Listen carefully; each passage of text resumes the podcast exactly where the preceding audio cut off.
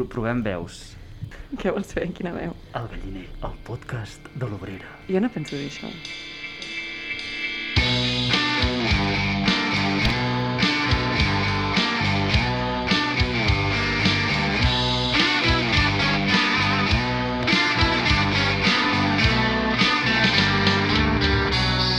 Tarda, oients i oientes, i benvinguts al Galliner, el podcast on parlarem de tot una mica i de res en particular, de Shakespeare i de Netflix, de l'esnobisme musical i del preu abusiu dels lloguers. No som generació Z, però no teniu cap excusa per no escoltar-nos, perquè res està fora dels nostres límits. Estem retransmetent des de l'Institut Agustí Serra al nord de Sabadell i la música que escolteu és de Rimbo Music. Busqueu-lo a Bandcamp o a l'Instagram. Support your local artist. Benvingudes. Vinga,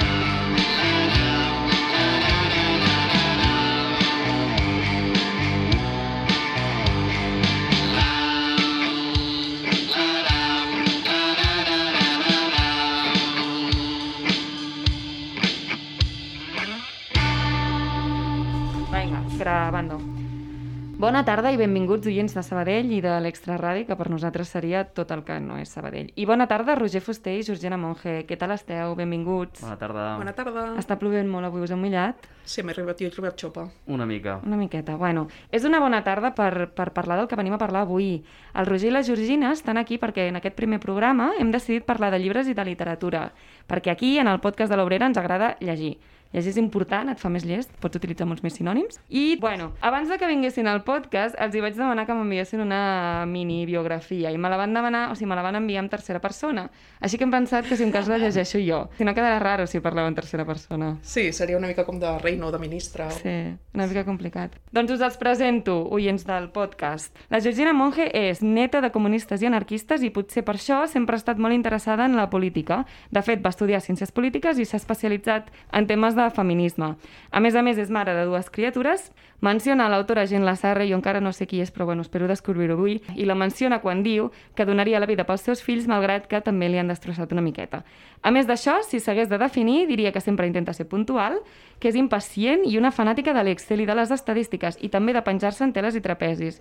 M'encanta això de l'Excel. Per què l'utilitzes, l'Excel? Ai, per treballar, per tot. Quan penso, ai, aquesta realitat, no? Que, que, com puc aproximar-me a aquesta realitat? Doncs vaig a, a, als gràfics. instituts d'estadística i, i em baixo els gràfics, les dades, faig gràfics, mira. Estupendo. Cadascú friqui a la seva manera. I també tenim avui amb nosaltres el Roger Fuster. El Roger Fuster va néixer l'any 86 i és filòsof de vocació i mestre de professió. Els 10 últims anys ha fet de professor a universitats franceses i a instituts catalans. Es defineix com a apassionat de la pedagogia i ha estat format a França. Potser ens parlarà en francès en algun moment, és una cosa que normalment succeeix. No està previst, però vés a saber. Vés a saber. I a banda és militant de l'Obrera, eh, represent. A part d'això, al Roger li agrada l'esport en general, però sobretot córrer per la muntanya. Té els dos dits grossos del peu trencats i a un d'ells hi du un ferro. Això per què? Correcte. Té, té a veure amb córrer i amb la muntanya i amb, i amb fer la cabreta i anar pel món trencant-me coses. No ens l'ensenyis per això el peu, no el volem veure. No, els hauria d'ensenyar una radiografia per veure el vis. Doncs els dos convidats d'avui els hi hem demanat que escollin un tema literari o un tema relacionat amb els llibres i que eh, vinguin a parlar-ne. La Georgina ha escollit la biografia com a eina literària feminista i de classe. Georgina, per què has escollit aquest tema? Doncs he escollit aquest tema perquè sempre he pensat que la biografia i l'autobiografia han estat com gèneres literaris molt denostats i per mi tenen molt, molt potencial feminista i de classe, no? Eh, perquè normalment la història, que ha passat a la història, els fets que han passat a la història han estat descrits des de, normalment des de les classes més benestants i normalment per part dels homes. De fet, en anglès fins i tot quan es diu història es diu history, no? Vull dir que és la història d'ell, no? Aleshores, això, que la història s'ha construït a través dels relats i els esdeveniments viscuts pels homes, per mi és una certesa que es fa òbvia tan sols obrint qualsevol llibre de text, d'història, no? Aleshores, el que han estat fent les dones mentre els homes feien la guerra o mentre els homes construïen grans imperis ha estat normalment ignorat i, i de fet no ha suscitat com cap mena d'interès, no? No s'ha considerat mai tampoc ni, ni que això es pogués dir que era història, no? que les dones estaven fent història, no? fent el que feien. Però clar, les dones existien i no només estaven creant i recreant vida, no? també estaven produint i també estaven tirant endavant les famílies i països sencers en molts moments, no? sobretot quan els homes feien la guerra, per exemple, aquí estava. No? I no tenim suficients llibres sobre això, només I- tenim llibres sobre homes fent guerres. Ah, exacte, exacte. No ha sigut fins ara que, a més a més, hi havia moltes coses que no estaven publicades, però que existien i no, no ens havien arribat, oi? Totalment, totalment. I, I bueno, jo no sé, espero que hagi millorat, però des de que jo vaig estudiar a l'Institut Història, per dir alguna cosa, o a la carrera, uh -huh. que és, teníem diverses assignatures d'història, pots comptar amb la mà, ja ni amb les mans, amb la mà, els personatges femenins que surten destacats, sí, sí. no? Personatges i autores també, no? ni uns ni altres. Sí, sí, sí. I de fet estem pensant, perquè tu has mencionat una mica les, el que feien les dones mentre els homes anaven a fer la guerra, però n'hi havia dones també que feien la guerra i no ens han arribat les històries o... Exacte, sí, sí, sí, de fet, per mi, per exemple, un dels exemples més clars és a mi em va agradar molt llegir una petita biografia de Louise Michel, Sí. eh, que és una de les dones que va participar a la Comuna de París, perquè tu també t'imagines a les dones tenint cura de les criatures mentre els homes estan Exacte. llançant granades Uh -huh. i, i no, i aquesta dona va estar en la primera línia no, de, de, Les de la noies- Comuna de París, Les dones exemple. també anaven a la guerra. També anaven a la Algunes, guerra. com a mínim. Sí, sí, sí. Molt bé. I en tot cas, eh, no només tenien cura de les persones dependents, com poden ser gent gran, criatures, feien molt més no, que això, vull dir, sostenien països. Aleshores, per mi, sovint, l'única manera que ens ha quedat d'apropar-nos a aquesta vida, aquesta història d'aquestes dones, ha estat de la mà de les seves veus directes, no? perquè si, o ho explicaven elles o ningú li interessava. Sí. No? I això s'ha fet molts cops a través d'autobiografies, a través de biografies, Sí. a través de cartes, també s'han recuperat molts relats femenins, i això deixa un testimoni que per mi és molt valuós, perquè és un testimoni de primera mà de quines eren les seves condicions de vida, que poques vegades han estat relatades a les grans obres, no? Totalment. I que, de fet, quasi mai han passat a la, a la història, no? Parlàvem de la Louise Michel i la Comuna de París, però tenim molts altres exemples, no? Quins exemples ens recomanaries? Doncs si, si el que interessa és la història més èpica del rotllo que, que va passar Sí, amb la, no? a una èpica, una 1917, eh, eh, no? Revolució Sí. eh, roja. La, no? Totalment, estem Bolxevic. super dins del tema. Pues, per exemple, a mi em va interessar molt la biografia de la Inessa Arman. Inessa Arman. Sí, que és la que parla? diuen que va ser l'amant de Lenin. Uh, Mm, salseo, interessant. Sí, sí, salseo. sí. Aquí, Història corazón, salseo. corazón, corazón. Total. De fet, només ha interessat per això. No us diré això. si era o no l'amant de Lenin, perquè us haureu de llegir el llibre perquè és molt interessant. Ho buscaré a la parlem. Wikipedia i després em llegiré el llibre. Busca, busca, hi ha molta controvèrsia amb si era o no l'amant de Lenin. Però en tot cas, a part de ser l'amant de Lenin, eh, era una tia superculta eh, Mhm. que va aportar molt al partit bolxevic i que va fer bastant per l'organització de les dones dintre el partit bolxevic. Dic bastant perquè hi ha altres dones molt més destacades com Alexandra Kollontai que va fer molt més. Però bueno, A Kolontai se la coneix més. se la coneix més. És la primera que, més enllà de parlar de l'explotació en les relacions de producció, ens parla de l'explotació de les dones en l'àmbit privat, eh, en l'àmbit de les tasques reproductives. És la primera que aposta per la socialització de les tasques de cura, és la primera que parla de l'alliberament sexual com una condició necessària per l'alliberament del gènere humà, no? Sí, sí, sí. Vull dir, és la primera, és molt pionera. També ens mencionaves l'Emma Goldman com a referent també de... Emma Goldman a mi m'agrada perquè, o sigui, és anarquista, amb el que m'agrada una mica menys que les altres que he dit, Cadascú us enganyaré, cadascú el seu, però és veritat que va ser una dona supercombativa, superlluitadora, i que va promoure molt, per exemple, temes de salut sexual i reproductiva entre les obreres, i això ho explica en les seves memòries, que a mi em va agradar molt, no? Sí. Vull dir que més enllà de la frase que si no puc ballar no és la meva revolució, que és l'únic que passa una mica a la història arriba. Goldman, té molt contingut teòric i, a més, la seva vida va ser molt activa i molt militant, no? I Sí, per sí. mi també és interessant de I veure. totes les vides d'aquestes dones, de la Inés Armand, de l'Emma Goldman, ens han arribat a través de biografies.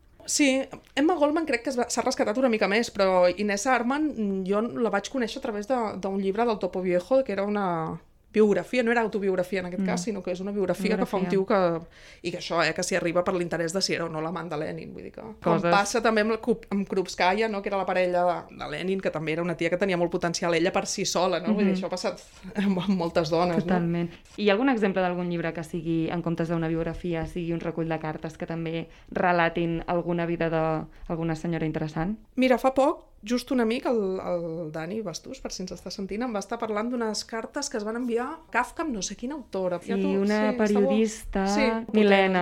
portava- Crec que eren les cartes del Kafka a la Milena, s'enamoraven pel mig una cosa per l'estil. Exacte. Sembla que el recull és només les cartes de Kafka i al final em van trobar quatre de la Milena és la part més interessant per mi del llibre, que és, l'estic comentant sense haver-me'l de- llegit. Però ja, ja, de, ja- ja de traca ja dic que només vull llegir les cartes d'ella. bueno, molt bé, molt bé, veus? Mira, unes cartes molt maques, ja me n'he recordat. Digues. I una, les cartes de les hijas de Marx, un llibre de les Sí, hijas de Marx. l'han editat fa poc, oi? L'han editat fa sí, tre- tres anys, potser, dos, tres anys. Quin pe... Quina llosa ser filla de Marc. Eren ties potentíssimes, les tres filles de Marx i la, i la Jenny Marx, la parella també, ties molt potents que pensaven per si soles i que van ser grans militants, sobretot la Eleonor Marx, una de les filles, Sí. i això es pot veure a les cartes, per exemple. És un llibre de... és un recull de cartes. És un recull de cartes que s'escrivien en Marx. Vale, anaves a mencionar algú altre Anava que no... a mencionar algú altre. El, Digues. que sigui Marx és no, una, com una Un pedra gran referent. un gran referent. Per mi, en el feminisme, la figura indispensable és Simone de Beauvoir. Aleshores, Simone de Beauvoir escriu la Bíblia del feminisme, Sí. permeteu-me que ho digui així, però vull dir, és així, en un moment en què no hi havia internet i ella fa un recurs, eh, fa un, una compilació super exhaustiva Sí. de la situació de la dona en els diferents àmbits, partint d'una pregunta tan bàsic com a què és ser dona? Vull dir que Digues és als oient com es diu aquest llibre i en quin any va estar publicat. El segon sexe, 1949. Estupendo. 1949. 1949. Ja estava la Simone pensant. Va ser un best-seller en el moment perquè és un dels pocs llibres del moment que parlaven de sexualitat, que parlaven d'avortament, que parlaven d'orientació sexual, o sigui, es parlava de molts temes amb un punt, si se'm permet, morbosos pel Sí, moment. pel moment, sí. Més enllà de moltes altres coses, perquè parlava de la situació material de les dones, feia un repàs al psicoanàlisi, feia un repàs a la biologia, o sigui... Fer un repàs del psicoanàlisis també. També, sí, sí, sí. sí, Ui, sí. controvertit el també, tema del psicoanàlisis. Sí, sí, sí, sí, A l'època en el- estava de moda, però també, bueno. En el moment tampoc podies descartar, No, dir, no. no podies eludir-lo. Aleshores, ella fa... En el moment és un best-seller, però sobretot per aquesta part de ganxo que té, i de fet, la Simone de Beauvoir rep una, rep una llau de cartes de dones fent com si fos un consultori, que ella no donava l'abast de respondre. Però que el llibre es posa veritablement de moda, Sí. i se li dona un ús feminista molt, molt, més, enll- molt més tard, als anys 70, és quan amb l'explosió dels grups d'autoconsciència Recupera el llibre. recupera el llibre. Aleshores sí que se li dona com a una eina d'apoderament de les dones. Clar. Ja va fer aquest fet eh, en el seu moment, però l'explosió feminista del llibre ve... I serveix per, per feministes posteriors que s'han basat en Total. aquest, en aquest escrit inicial per escriure eh, altres Total, escrits. bueno, és que tothom s'hauria de, de veure Simone de Beauvoir, soc molt fan La de Simone Georgina de Beauvoir. ens estem adonant que és molt fan de la Soc Simone de molt Beauvoir. fan de Simone de Beauvoir. Vale. Aleshores, el que volia dir és que ella escriu aquesta bíblia del feminisme, que és el segon sexe, però més enllà d'això, ella deixa testimoni de la seva vida, Mhm. en, ara no me'n recordo si són 5, 6 autobiografies, eh, que explica la seva vida. Aleshores, també et posa en context de què són les coses que porten a Simone de Beauvoir a fer-se la pregunta de què és ser una dona, no? És, és tot aquest context que ens explica a través de la seva vida Sí. que ens porten Quins a són alguns moments de la seva vida que la van fer portar a qüestionar-se coses? Un parell, digue'ns un Un parell. parell, per exemple, ella és filla d'una família burgesa a Benidamenos Sí. i això fa que ella pugui estudiar, perquè si no, doncs ella no havia d'estudiar No, per res. clar. Aleshores, el seu pare era de ment bastant, una mare molt conservadora, molt catòlica, que li intenta inculcar Catòlica tot aquest... conservadora. Molt conservadora. A França vivien? Sí. Vale. I per contra un pare molt liberal, que malgrat era advocat, el que es dedicava era al teatre i així, que li va com inculcar idees molt més liberals. I aquest matrimoni ja funcionava? D'aquest xoc, crec que no del tot, No no, del funcionava del tot, crec. I d'aquest xoc sorgeix també moltes de les preguntes que es comença a fer Simone de Beauvoir, no? Sí. Això per un cantó i per l'altre, Simone de Beauvoir sempre va, o sigui, sempre va estar envoltada en un món d'homes, vull dir, ella Ja. en la École Nationale Superior, i ara em pre... em pre... disculpes per l'accent, Un moment, pronuncieu, Roger, sisplau. Va, fes-ho, fes-ho. École normale supérieure. aquesta. Així, molt bé. Bueno, que- com, com ho he dit jo, no? Més o Igual. menys. Ella queda segona de la seva promoció. El pri- El primer, si no m'equivoco, va ser Jean-Paul Sartre i molts cops s'ha dit si no hi va haver cert Jean-Paul masclisme. Sartre i Simone de Beauvoir eren companys Eren d'escola. eren, eren companys de vida, eren. Companys de vida. Va Ah, sí, ser- era el seu era company. el seu amor, Amor necessari davant del que ells deien que eren els amors contingents que es podien anar trobant en la seva vida. Molt bé, molt bé. I si vols, dic un últim Sí, digues, exemple, digues, digues, Eh, com per canviar una mica de, de terç, però a mi altres autobiografies que també m'han fet, que, que per mi tenen un potencial increïble feminista i de classe, són, per exemple, les de la Mary Kerr, que és una autora Sí, la conec, americana, la conec. és actual, vull dir que és contemporània, o Lucia Berlin, per exemple, perquè jo havia estudiat molt a nivell teòric eh, què, què era el malestar de les dones. Per Sí. exemple, Betty Friedan, que és una autora feminista, la li- Sí, sí, liberal sí. ella, però parla del malestar sense nom que tenen les dones, no? Betty Friedan és la que, va, la que va escriure aquell llibre que parlava de, les do, de la, La classe mística- mitjana, la mística de la La feminidad, màstica de la feminidad, exacte. que eren dones de classe mitjana que no tenien, que les seves vides no tenien gaire sentit. que estaven buides, bueno, elles Sí, es troben... que s'avorrien, bàsicament. Totalment. Es troben amb què ha passat la Segona Guerra Sí. Mundial, en teoria estan en un moment de bonança, d'auge econòmic, i tothom els diu que haurien de ser més felices que mai, ja no hi ha guerra. A més a més, elles eh, ja no cal que treballin, perquè ja tenen unes parelles que treballen i un salari familiar que les manté. Tenen a més una a casa més, als suburbis. la casa als suburbis, exacte. A més a més, eh, se'ls hi ven que elles no són lo, lo antiquat que eren les seves mares o àvies per estar a casa. Elles són modernes perquè estan treballant amb tecnologia, no? amb la Clar. rentadora, amb no? tot d'electrodomèstics que havien sortit al moment. Vull dir, aquest era l'imaginari. I malgrat aquest, i, i aquesta idea de que les dones quasi que bueno, no podien no ser felices, es troben amb unes taxes d'alcoholèmia brutals i amb la, una taxa de suïcidis brutals entre les dones De dels suïcidis també? Sí. No ho sabia, O això. sigui, és que, que no cas, no aquesta, feliç, aquesta, bueno, aquesta Si estàs feliç no et suïcides, amb- no. Clar, no, exacte. Clar, és així. I aleshores és quan Betty Friedan parla d'aquest malestar sense nom de les dones. Ja. No d'on ve aquest malestar sense nom. Doncs per mi, autores com Mary Kerr, amb les seves biografies... Que és americana, o- la Mary Kerr, sí, també, oi? Sí, sí, sí. sí, sí, sí. La Betty Friedan sortia a la sèrie aquesta que han tret ara fa poc a HBO, crec que es diu Miss Amèrica. Me n'han parlat, és que no, no miro mai sèries quasi. Ni, Oh, jo és que la- molt de sèries. Pues ja- I surt la Betty Friedan i surt la Gloria Steinem als 60, la, una de la Sí, segona, una de feminisme. Però- Vale. Roger, vols intervenir? Vols fer-li alguna pregunta a la Georgina? Crec que has t'he vist prenent notes, molt interessat. No sé si vols comentar-li alguna cosa. És una eminència, la Georgina, en temes de feminisme. ho ets. A mi m'han parlat molt bé. Vull dir, li hem de treure suquillo. No, parlo, parlo del que sé, no, només. m'ha m'ha interpel·lat la cosa aquesta que aquesta cosa tan profundament injusta que les dones sempre s'han d'associar a algun home perquè puguin obtenir algun tipus de visibilitat que és una cosa terrible que ha passat, ha passat històricament i m'ha vingut al cap la Lu Andrea Salomé, que és coneguda per haver tingut una amistat eh, i haver tingut una relació molt intensa a nivell intel·lectual i afectiu amb Nietzsche, amb Rilke i amb Freud. Ella també va produir teoria, va... però l'únic que ens preguntem és si amb Nietzsche hi va haver marro, no hi va haver marro amb Nietzsche, i són les úniques coses que sembla que han quedat de l'U Andrea Salomé Sí. i no la seva obra científica. Molt bé, doncs fins aquí aquest tema ens ha semblat superinteressant. Moltes gràcies, Georgina. Moltes gràcies a tu, Marina. Eh, en la bio d'aquest podcast, en algun lloc, posarem totes les referències, perquè ens heu mencionat, ens acabes de mencionar com 25.000 llibres, me'ls vull llegir tots. I tant. Com a mínim, alguna cosa de la Simone de Beauvoir, perquè si no la Això Georgina... segur. Fer fins i tot un top 10, si voleu, de Un la top Simone 10? de Beauvoir, Hòstia, el posarem. millors, quins... Abans del, abans, ai, a banda del segon... segon sexe. Del segon sexe. Les autobiografies són meravelloses Sí? d'ella, les memòries d'una joven forma la plenitud de la vida, totes són fantàstiques. Sí? Si no, Los mandarines, que s'inspira també en, en, en fets reals i parla de la situació dels intel·lectuals des, no? quan la Segona Guerra Mundial, el paper que tenen la intel·ligència no? I, i com es posicionen respecte a l'acció política, és superinteressant. Uh, la Mujer Rota, perquè parla de temes de violència masclista, per exemple, és que en té molts que són meravellosos. Té una gran producció, a més a més, la Beauvoir. Té una gran producció. També té algun llibre que no m'agrada, però aquests ni els mencionaré, perquè no cal. No cal. Si de 50 n'hi ha, dos de dolents, no passa No passa res. res, no se li passa res, perdona. li perdonem. Molt bé, doncs fins aquí eh, aquest tema. El segon convidat d'avui és el Roger Fuster i el Roger ens volia venir a parlar de censura. I en concret ens volia plantejar la qüestió de la censura i com ens convida a fer-nos la següent pregunta. Per què són tan importants els llibres i quin és el poder de la literatura? Roger, per què has escollit aquest tema? Perquè és una, una qüestió que em preocupa des de fa temps, perquè, perquè llegim quins són els beneficis que té la lectura, que en podem esperar, Sí? I justament també quan estàvem plantejant aquest podcast estava llegint per unes classes a Hobbes, que és un filòsof del segle XVII, i vaig trobar una cita prou, prou impactant que em va fer pensar sobre aquesta qüestió de la censura i d'alguna manera la vaig connectar amb aquesta pregunta del, del poder, de la potència que poden tenir. I ens, ens Els llegiràs llibres. aquesta cita? Sí, en aquesta cita Hobbes planteja el següent. Diu que és deure del sobirà, és a dir, del, del poderós, juzgar qué opiniones y doctrinas son contrarias a la paz y juzgar a qué hombres se les puede permitir hablar a las multitudes y quién debe examinar las doctrinas de todos los libros antes de que estos sean publicados, pues las acciones de los hombres proceden de sus opiniones y el buen gobierno de las acciones exige, por tanto, el buen gobierno de las opiniones. El buen gobierno de les opiniones. Sí, això em fa pensar que eh, al llarg de la història s'han temut molt els llibres. Jo no sé realment si els llibres tenen aquest poder, però en tot cas se'ls ha temut molt. S'ha temut que els llibres podien d'alguna manera influir en les nostres opinions Sí. i si aconseguien influir en les nostres opinions, podien influir en el nostre eh, comportament i si això passava, això podia ser una amenaça per l'ordre polític o per l'ordre social. Això ho estava plantejant Hobbes al segle?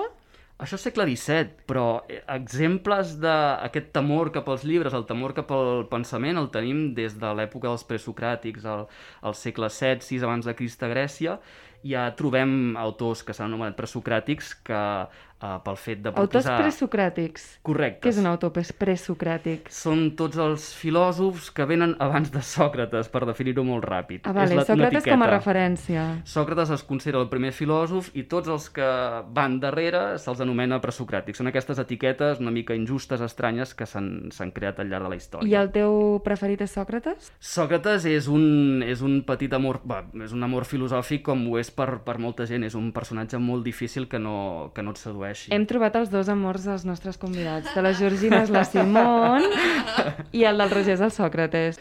Sí, no, això que dic, des, de, des dels presocràtics ja tenim constància que, que, que el pensar fa por i tenim constància que això que circulin diferents teories i dif diferents opinions per l'espai social és una cosa que inquieta i des dels presocràtics fins a la- fins a l'actualitat hi ha molts exemples de, de persecució que, que pot prendre formes molt diferents. Ens pots posar no, algun exemple d'alguna d'aquestes persecucions? El meu amor, Sòcrates... El teu, el teu amor Sòcrates el van perseguir. A Sòcrates se'l va, el van jutjar, la democràcia atenenca, que, que, que admirem per tantes de raons, tam, no hem d'oblidar que també va, va jutjar Sòcrates i el van condemnar a mort a la famosa cicuta. És el primer filòsof que, que mor per la filosofia, per dir-ho així. Mort i per la filosofia. Sí, es pot dir Mare que sí, meva. es pot dir que sí. En aquest sentit constitueix una espècie de- d'heroi filosòfic que és, és, és molt difícil no, no mirar-lo des de l'admiració.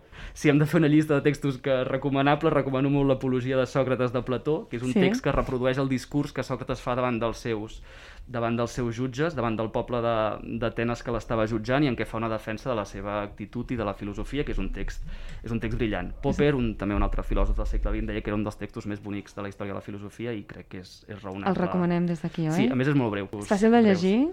Sí, crec que sí. Vale. Perquè estem sí. recomanant uns llibres avui que jo no ho sé, eh? La Simone de Beauvoir, quan, quan, el segon sexe, quantes, quantes pàgines són? Crec que mil, però... Mil. Però, Estem parlant de... Molt bé. Però crec que la lectura és accessible, tot i així. Sí, és, és llarg, però és, Vale. és accessible. Molt a favor de llibres importants, amb, amb, amb molt contingut, però accessibles, oi que sí? Sí. Doncs tornem al tema, Roger. Volíem saber fins, fins a quin punt els llibres tenen un poder Clar, a les ments de les persones. Sí, fixa-t'hi, perquè les persones, o eh, les persones que temen els llibres temen això mateix que, que està dient Hobbes en aquest, en, aquest, en aquest fragment. Tem que el llibre em pugui contaminar amb algunes opinions que després poden contaminar el meu comportament i això pot generar canvi social. Sí. Els conservadors, o diguéssim els privilegiats, sempre han tingut aquest temor. Ah, La pregunta que jo em faig és ostres, és molt optimista aquesta visió sobre el poder dels llibres. Jo no sé si com a persona d'esquerra sóc tan optimista sobre el poder dels llibres. Creus que no tenen tant poder aquests llibres? Em faig aquesta pregunta. Llavors, és aquesta pregunta que porto molt de temps fent-me. Té, té raó Hobbes quan s'espanta tant davant del poder dels llibres i diu, calla, que això ho hem de censurar, que ha de venir el sobirà i ha de dir això no es pot publicar? Sí.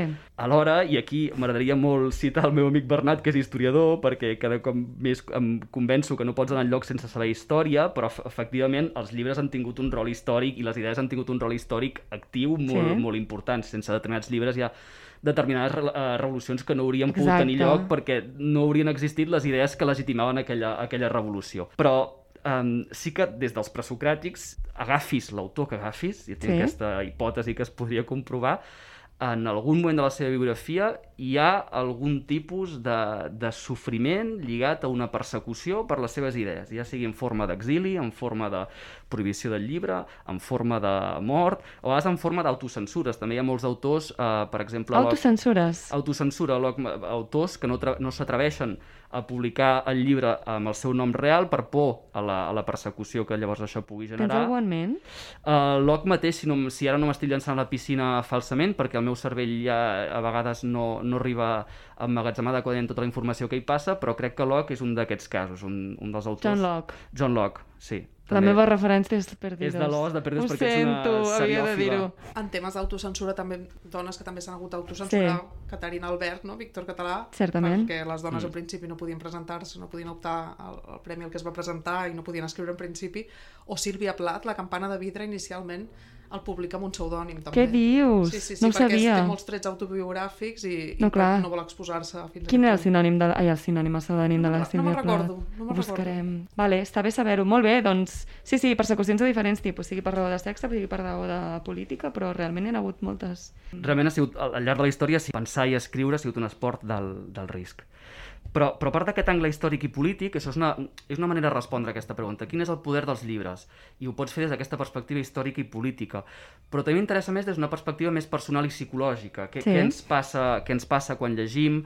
De quina manera la lectura ens pot transformar si és que acceptem que un llibre és capaç de transformar-nos? Segurament els que, els que som aquí som, estem especialment inclinats a respondre... Això anava a dir, que anem a respondre a tots que sí. De fet, ho esteu fent amb el cap. No, no es veu perquè estem a la ràdio, però els dos estan fent que sí molt fortament amb el cap. Sí, sí. I mm, quan rumino aquesta qüestió a mi em ve al cap el Quixot, que és una, és una figura entranyable, perquè representa com una resposta extrema a la qüestió del poder dels llibres. Per què ho representa això, el Quixot?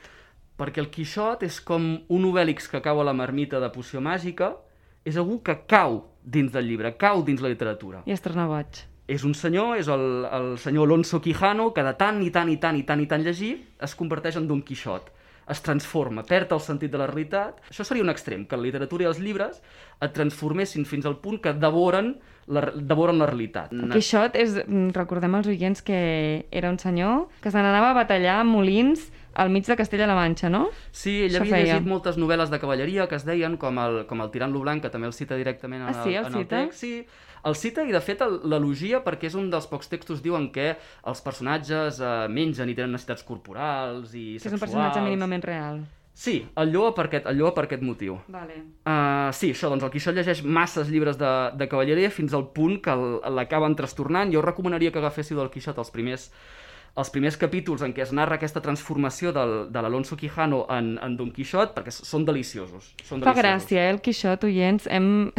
Estem recomanant llibres molt antics, però jo dono fe de que el Quixot me'l vaig llegir amb 15 anys i em va fer molta gràcia. Una mica de pena també perquè estava una mica boig l'home, però és un llibre que fa risses. Genera, genera molta tendresa i potser un dels, un dels primers llibres que recordo haver rigut um, francament llegint-lo Sí, en sí, molts sí, capítols. sí. També cal dir que hi ha capítols molt pesats. Eh? Ell va posant històries per allà al mig que a vegades no s'acaben de connectar, però hi ha capítols deliciosos, especialment, no sé, els, ah, no sé quants dies, 4, 5, 6 primers són, són una passada. Això és un extrem. Uh, a mi m'agrada, m'interessa veure els llibres o la literatura amb la idea que potser són una espècie de, de pròtesi.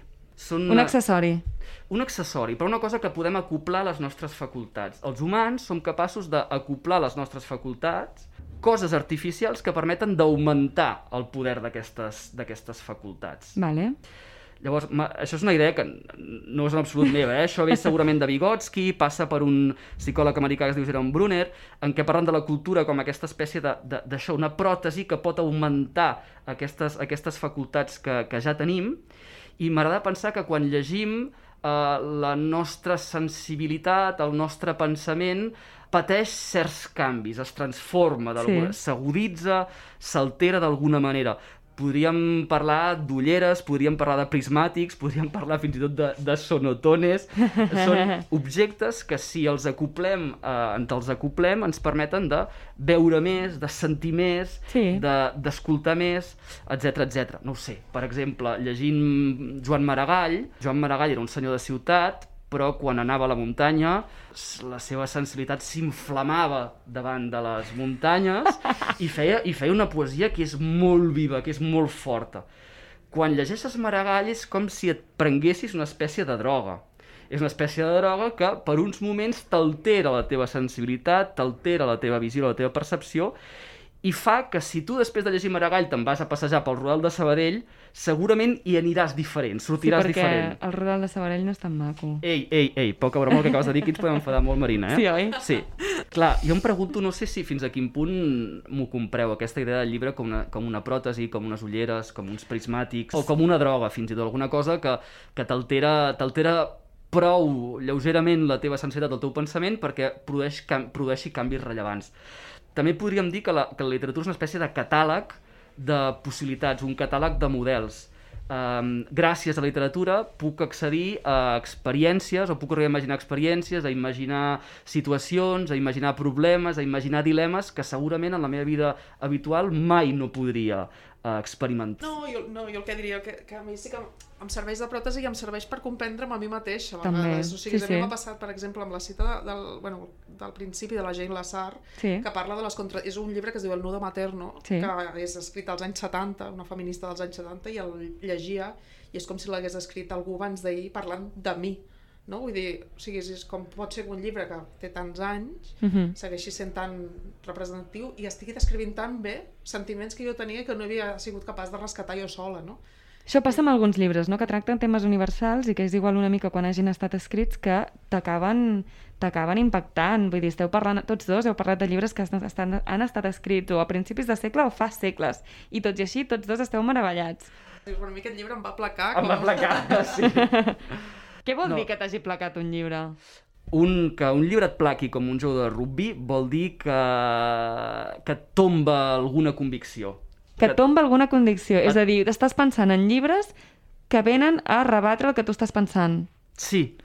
Perquè O- fins ara estem parlant molt de llibres que ens agraden, perquè clar, és normal, jo us he demanat parlar d'una cosa que vulgueu, parlareu del que us agrada, i us recomanat llibres que us han agradat. Hi ha algun llibre que... Error. Error. Error. Jo crec que tendim, ho repeteixo molt i em faig molt pesat amb això, però tendim a llegir llibres que intuïm que ens agradaran o intuïm que aniran en la nostra mateixa línia Cert. i és un error. Crec que a vegades també hem de llegir d'una manera més com boxejadors, més combativa. Hauríem de, llegir, de buscar llibres que ens posin contra les cordes i que ens obliguin a, a revisar algunes de les nostres conviccions més profundes a sí, vegades sí, sí. també a nivell polític molt clarament. Per exemple, ara amb, amb uns eh, amics estem eh, llegint textos neoliberals. És una cosa... Aquests amics sóc jo entre ells, eh? Ui! Estic al grup. Vol- Volia fer veure que no tot quedava a casa. Que ens relacionem amb més gent, que tenim més Sí, que amics. tenim amics, Jo no hi soc, jo no hi soc. Eh, La Georgina... Doncs, Georgina, tenim un club de lectura Vale. i estem, per... estem llegint... Què estem llegint? Estem llegint a David Harvey i... Com es diu el llibre? Breu història del neoliberalisme. No, senzillament me n'he donat que no podem anar enlloc sense, sense conèixer molt bé tota aquesta gent que ha estat elaborant aquest discurs neoliberal que és tan potent i que està tan inoculat a la societat que, Sí. que, que, que l'hem d'identificar i que hem de, hem de saber comprendre com funciona i per què sedueix tant. Tot i així estem llegint, un... estem llegint a David Harvey, que és un, és un autosocialista. No hem sortit tant de la nostra àrea. Pe quina pena. Clar, bueno, fixa't que l'estem llegint des del... des de la nostra òrbita estem llegint el nostres. neoliberalisme. Malament, no, hem d'anar a llegir, hem d'anar amb l'espasa i l'escut i anar a llegir el Friedman i el von Hayek Directament. i tota, tota aquesta gent directament. Em fa molta por, no vull llegir això. Sí, sí. Georgina, tu has llegit algun llibre que no estigués a la teva òrbita? Alguna cosa que diguessis, no, és que realment no vull llegir aquesta autora o aquest sí, autor? Sí, tinc el Guilty Pleasure, que li diuen, el. Michel Houellebecq. M'agrada molt com escriu i és un masclista, bueno, és racista, és... és... Guilty Pleasure. Guilty pleasure. Guilty pleasure no passa. Només un últim apunt. Va, l'últim apunt. Va, un últim apunt. Perquè podria ser que fins ara ens haguéssim estat enganyant i tot això fossin uh, filosofades que no tenen d'alguna manera un, un arrelament prou concret. Una mica, pot ser. Una mica pot No ser que també, que també està bé les Està bé. filosofades perquè fan com, creen com grans imatges, però també m'ha vingut al cap un, un psicopedagog francès que es diu Serge Guamard, que, que diu el següent, ell ha treballat molt amb, amb nanos amb un fracàs escolar um, bestial, amb nanos que d'alguna manera refusen pensar, refusen l'aprenentatge, i diu el següent, diu, ens equivoquem profundament quan agafem aquests nanos i els posem a fer, a fer això que en diem reforç i exercir més exercicis de matemàtiques o els infantilitzem, els posem a fer fitxes perquè no ens en sortirem si no anem a l'arrel. I l'arrel és que la, la seva màquina de pensar, el que en diu la màquina de pensar, l'han aturat, perquè quan es posa en funcionament els fa por. Perquè pensar pot fer certa por. Pensar vol dir que has de treballar incerteses, vol dir, vol dir que la resposta no està feta, segurament l'has de- l'has d'inventar, l'has d'elaborar, i això pot generar una espècie d'ansietat o una espècie de frustració, una espècie de por. Llavors aquests nanos, ens diu Serge Guamard, el que fan és carregar-se la màquina, aturen la màquina de pensar Deixen de pensar. deixen de pensar o quan estan confrontats al pensament i oposen algun tipus d'actitud, ja sigui disruptiva o alguna cosa que, que fa que, que diguin no, no, no, és que això no està fet per mi, és que jo no, això no ho faré, és que jo sóc el xungo de la classe, etc Vale. etc. El que és interessant és, és, és diu, què, cal, què podem fer amb aquests nanos per ajudar-los, Vale. per tornar a mettre en route aquesta màquina, per tornar a activar aquesta màquina... Sabia que diria algun Ei, francès. havia de passar una paraula almenys. Continua, continua. I diu el següent, diu, el que hem de, el que hem de fer és donar-los llenguatge, donar-los imatges, donar-los paraules perquè pensin que hi ha dins seu, pensin que hi ha fora seu i puguin elaborar coses. Uh -huh. Perquè aquesta màquina no funcionarà fins que no tingui prous paraules, prous imatges, prous símbols per poder funcionar de manera efectiva. Uh -huh. Llavors el que proposa és agafar les grans llegendes i grans mites de, de la humanitat, perquè són eh, textos que són portadors de, de, de qüestions morals, psicològiques, metafísiques, científiques mm, profundes, i el que cal és fer-los treballar al voltant de tot això, per tant, que adquireixin llenguatge, adquireixin imatges, adquireixin símbols a partir dels quals poder tornar a fer funcionar la màquina. I aquí hi hauria una resposta a la pregunta aquesta que em feia de quin és el poder de la literatura, quin és el poder de, dels llibres, i, i una és aquesta, és que segurament és, la, és la, la gasolina que ens fa funcionar aquesta màquina de pensar i jo crec que també de sentir. Molt bé, doncs professors del món, apliqueu-vos el cuento i recomaneu-los llibres a aquests nois i aquestes noies als instituts. Moltes gràcies, Roser, moltes gràcies, Georgina. Passem a la segona secció d'aquest podcast. En aquesta segona secció del podcast hem demanat a la Georgina i al Roger que escollin tres llibres. Un llibre per enamorar-se, un llibre per deprimir-se i un llibre per revoltar-se. Per quin voleu començar? Uh, Comencem pel d'enamorar-se. Pel d'enamorar-se, que és el més maco, Ens oi? enamorem, va. Vale, va. Un llibre per enamorar-se. Uh, dues angleses i el continent, d'un d'un francès que es diu Henri Pierre Rocher, que és un llibre que crec que també és interessant des del punt de vista de la tècnica literària, de la composició literària, perquè està escrit íntegrament a partir de, les, de diaris i cartes dels personatges, Ens encanten les cartes, eh? M'ha sortit Eh. molt avui. i és un trio amorós entre dues germanes angleses i un, i un francès, Una mica problemàtic. una mica problemàtic, ja es pot sospitar, però, però que et, crec que et fa viure de manera molt intensa la passió amorosa. Sí, sí. Georgina, el teu. El meu és el de gent normal, de la Sally Oh, Rooney. estava esperant maco. molt aquest moment. és el meu llibre per enamorar-se, És que també. és molt maco aquest És llibre. De maco. fet, quan pensava un llibre per enamorar-se, al principi em sortien llibres així una mica més com, com no sé, com més transcendentals o així, rotllo Sí. una Anna Karenina, no? una cosa així, una dona forta, no? valenta, que trenca amb les convencions de l'època. Però després pensava, no, o sigui, per enamorar-se prefereixo un gent normal, no? que parla d'un... que és un amor més actual al final, Sí. i per mi és un amor més sa, és un amor que es pensa, que es despensa. No és gaire sa. Bueno, té, o sigui, però jo crec que és un, un amor que intenta, que no és estàtic, que intenta evolucionar Sí. en la mesura que ho fan els personatges. I Certament. crec que és una cosa que és sana i que és maca. I, i sí, i És, un- és això- molt maco, gent normal, el recomanem molt. També han fet una sèrie. Puc afegir una cosa curiosa sobre l'autor, el, el Pierre Rocher? Sí, digues, digues. que és que és un, és una, un cas bastant, no sé si tu tens al cap algun altre cas així semblant, és un senyor que va escriure tota la seva vida, tota la seva vida, tota la seva vida uns diaris, però no va publicar les seves novel·les fins, crec que quan tenia vora 70 anys. I va, Ah. va publicar únicament dues novel·les que són com dos destilats de tota la seva activitat literària, tota la vida va, va produir només dues novel·letes. Que és aquesta i... Jules i Jim. Que també és d'un trio. Uh, també, correcte. Efectivament. Veiem una, hi ha- una, hi ha un, pa, Un- hi ha un una idea recurrent en hi ha aquest un cert home. patró aquí. De, Sí, fet, sí. de fet, pensava Hobbes, el Leviatà, Sí. el, amb 50 anys, oi, el va publicar o alguna cosa així? No ho sé. Ah, és que jo sempre he pensat, mira, algun dia potser... Podem publicar no, novel·les. No és tard per escriure. Mai és tard No per és tard escriure. per escriure. Espero els vostres No. llibres quan tingueu Af- 50 anys. Aferra't a l'Henri Pierre Rocher, perquè I aquí tens 70 tirada, anys, tens tirada, tens marge fins als 70 o 80, Perfecte. imagina't. D'acord, aleshores, tenim dos llibres per enamorar-nos, dues angleses i el continent d'Henri Pierre Rocher i Gent normal de la Sally Rooney. Un llibre per deprimir-se. Mira, m'ha costat entre els de deprimir-se i revoltar-se, perquè els de deprimir-se em surten que també em donen ganes de revoltar-me, tots els que Clar. he triat. I no sabia si triar el d'elles parlen, de la Míriam Toeus, o el de Por qué volvías cada verano, de la Belén López Prieto. Em quedo amb el segon, Por qué volvías cada verano, de la Belén López Prieto, perquè parla... No, Belén López Peiró, disculpeu. Parla, ella és, és, és real, vull dir que és autobiogràfic Sí. també, parla de què passa quan ella denuncia i, i informa al seu entorn de que ha patit uh, abusos sexuals per part d'un familiar. Uf, que dur. Aleshores, el llibre és totes les respostes que van donant els diferents agents de la seva vida, la seva mare, la, seva, la resta de la família, la policia, els advocats, i per mi és un llibre magnífic per veure la, la revictimització que viuen les dones Sí. que han patit violència masclista, perquè viuen el procés de violència que ha sigut el propi fet, o els propis fets, Sí. però després tornen a viure un procés de viol- violència en el moment en què ho expliquen, perquè veus com la família o, o la qüestiona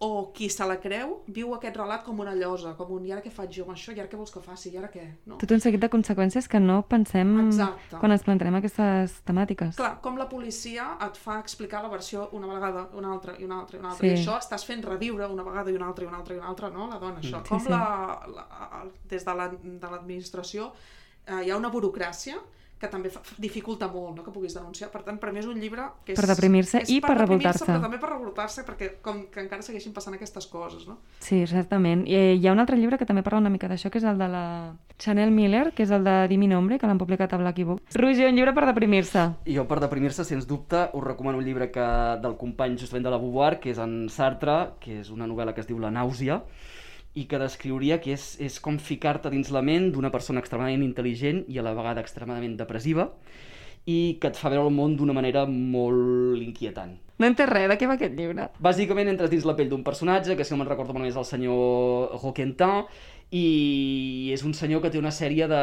una estranya malaltia, que potser s'anomenaria filosofia, que eh, té com a efecte que tot es va diluint el sentit de tot, i és un home que ha perdut d'alguna Uh! manera de vista el sentit de les coses. Vale. Però a la vegada Sartre és un gran, gran, gran, gran escriptor, com el cas de la, de la Beauvoir, i llavors és una obra literària fantàstica, però del qual ens, no ens surts indemne. Ens surts amb una afectació emocional profunda. Profundes. Quin parell aquests dos, eh? La Beauvoir i el Sartre. Eh, devia de ser intens parlar amb ells. No sé si voldria ser amiga d'ells.